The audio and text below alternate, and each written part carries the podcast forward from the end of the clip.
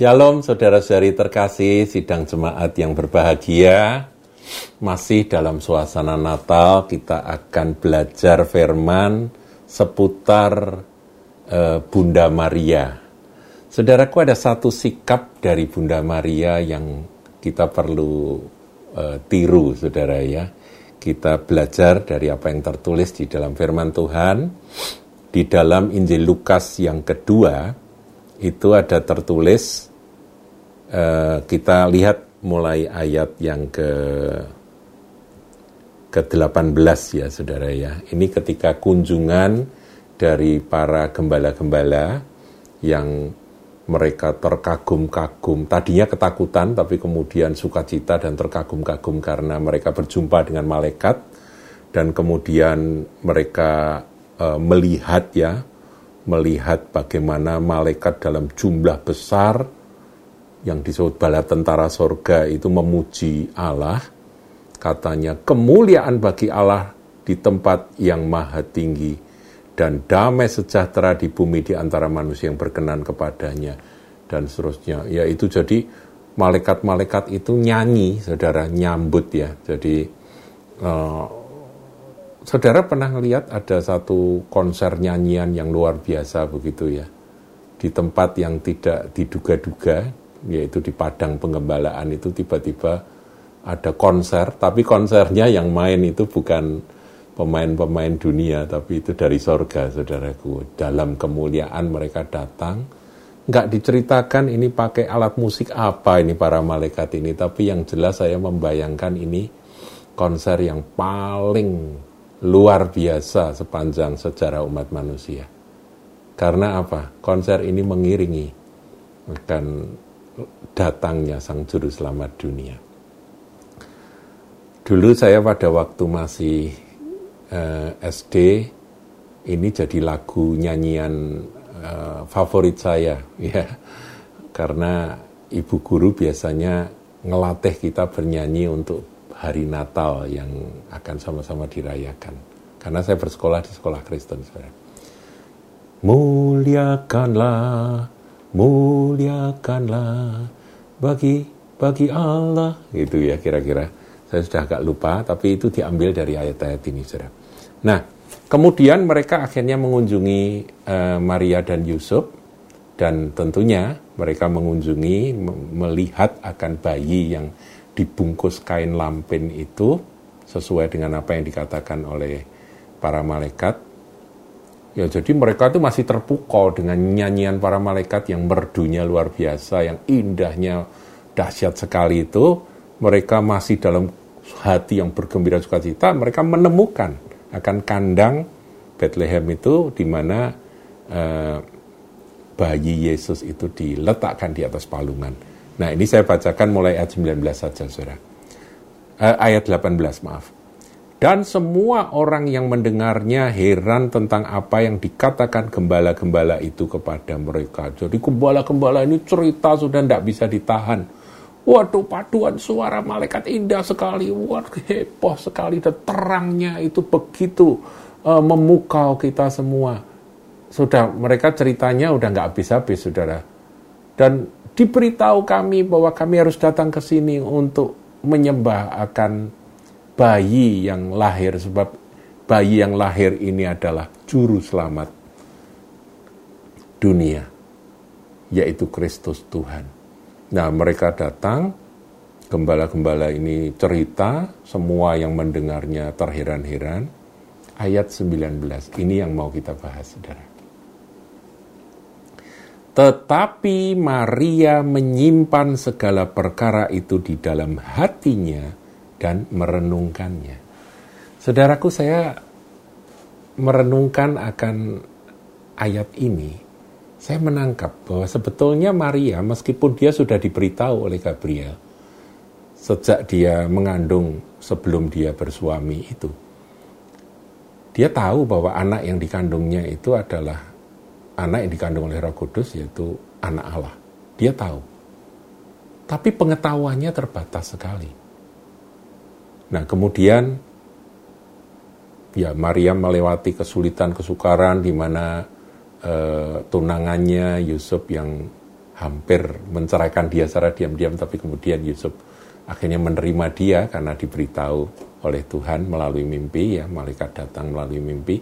Nah, kemudian sampailah mereka pada pada per, setelah mengadakan perjalanan ya ambil tua itu perjalanan sampailah mereka di Bethlehem karena hari-hari itu adalah hari-hari sensus. Nah, datang kesakitan bersalin saudara dan kemudian akhirnya melahirkan di kandang tersebut. Nah, sambutan dari para gembala ini begitu mengagumkan ceritanya. Maria sendiri tidak melihat paduan suara malaikat itu. Yang melihat adalah para gembala. Maria mendengar. Dia mendengar dan dia masih bingung, saudara, karena ini kan bayi biasa. Ini kan anak sulungku. Tapi kenapa kok sampai malaikat-malaikat surga heboh seperti itu? Dan ini saksinya adalah para gembala orang-orang sederhana yang yang datang berbondong-bondong untuk menyembah Yesus. Maria pada waktu itu dalam kebingungan. Firman katakan, Maria menyimpan segala perkara itu di dalam hatinya dan merenungkannya. Saudaraku, ketika kita ini diperhadapkan pada perkara-perkara yang kita belum ngerti, mengagumkan tapi kita belum paham.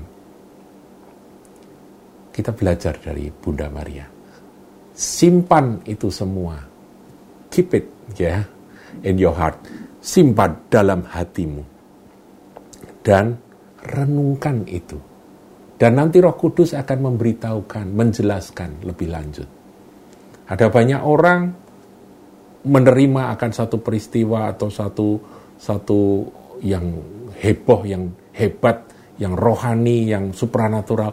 Itu kemudian ya cuman terkagum-kagum kemudian lupa. Nah ini berbahaya saudara. Jangan kita melupakan apa itu janji Tuhan yang dinyatakan ketika sudah mendengar firman Tuhan, kemudian sudah menangkap sesuatu. Renungkan itu. Maria menyimpan segala perkara itu dalam hatinya dan merenungkannya. Nah, peristiwa ini terjadi lagi. Jadi, Maria itu konsisten dengan sikap menyimpan hal-hal yang dia tidak mengerti dan merenungkannya menyimpan semua yang di luar kemampuan e, daya tangkapnya, dia simpan. Dia percaya bahwa suatu saat dia akan memahami itu. Tapi dia tidak melupakan. Dia simpan itu dalam hati dan dia merenungkannya, mengingat-ingat, saudara. Nah, sikap seperti ini yang seharusnya kita lakukan di dalam kehidupan kita sebagai anak-anak Tuhan. Nah, kita lihat lagi ya, setelah Yesus berusia 12 tahun, dikatakan mereka pergi ke Yerusalem ya pada hari raya Paskah. Kemudian kon itu ramai sekali ya dan ketika mereka pulang pulang ke Nazaret kan itu rombongan itu Yesus nggak ada. Usia 12 tahun Yesus hilang. Orang tuanya bingung saudara. Dan akhirnya mencari. Ternyata Yesus sedang berdiskusi, ber, apa, berbicara dengan para uh, ahli-ahli Taurat ya, saudara.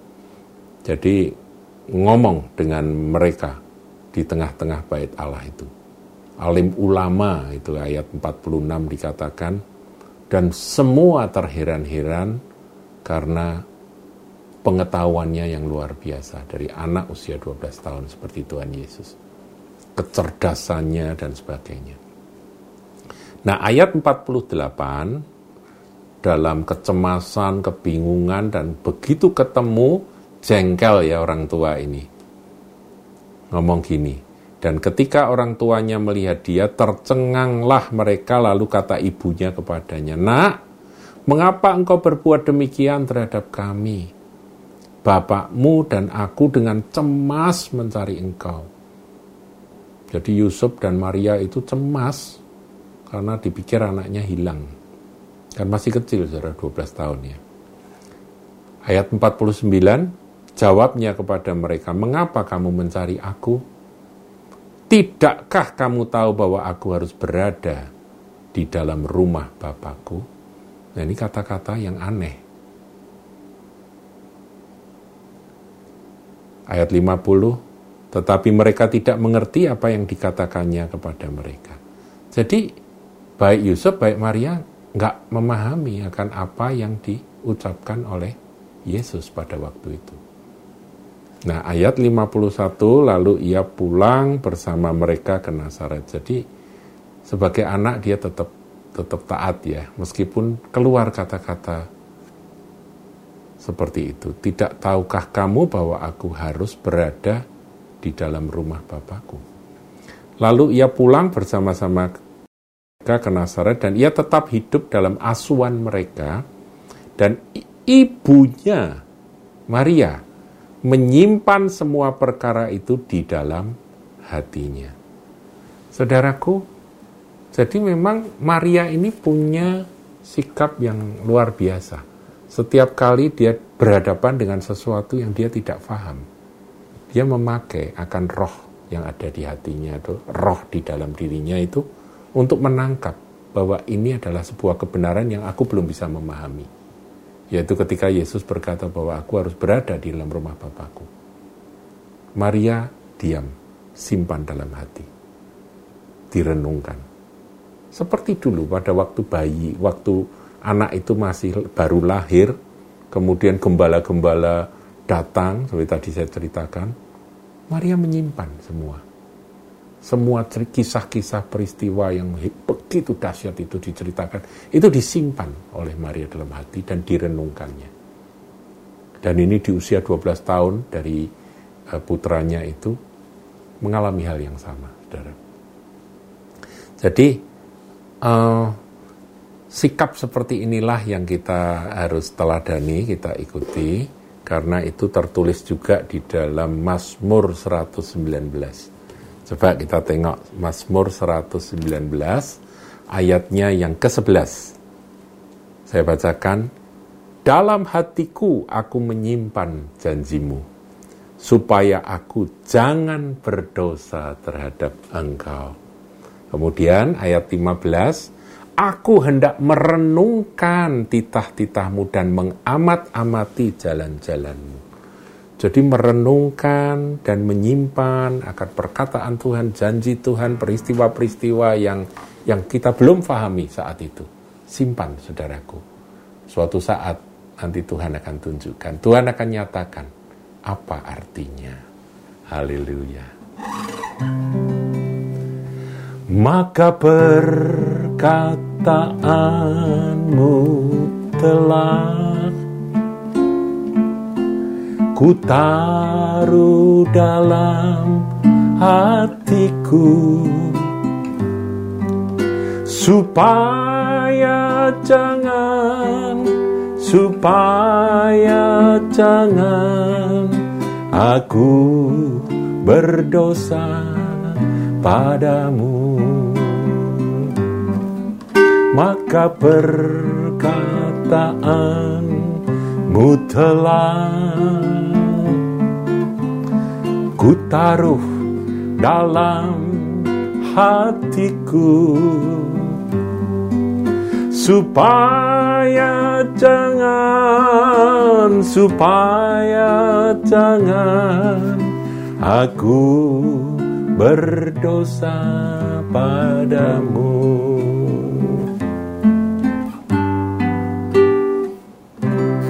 Menyimpan dan merenungkan hal-hal yang belum kita pahami, simpan dan renungkan seperti Maria. Tuhan Yesus memberkati.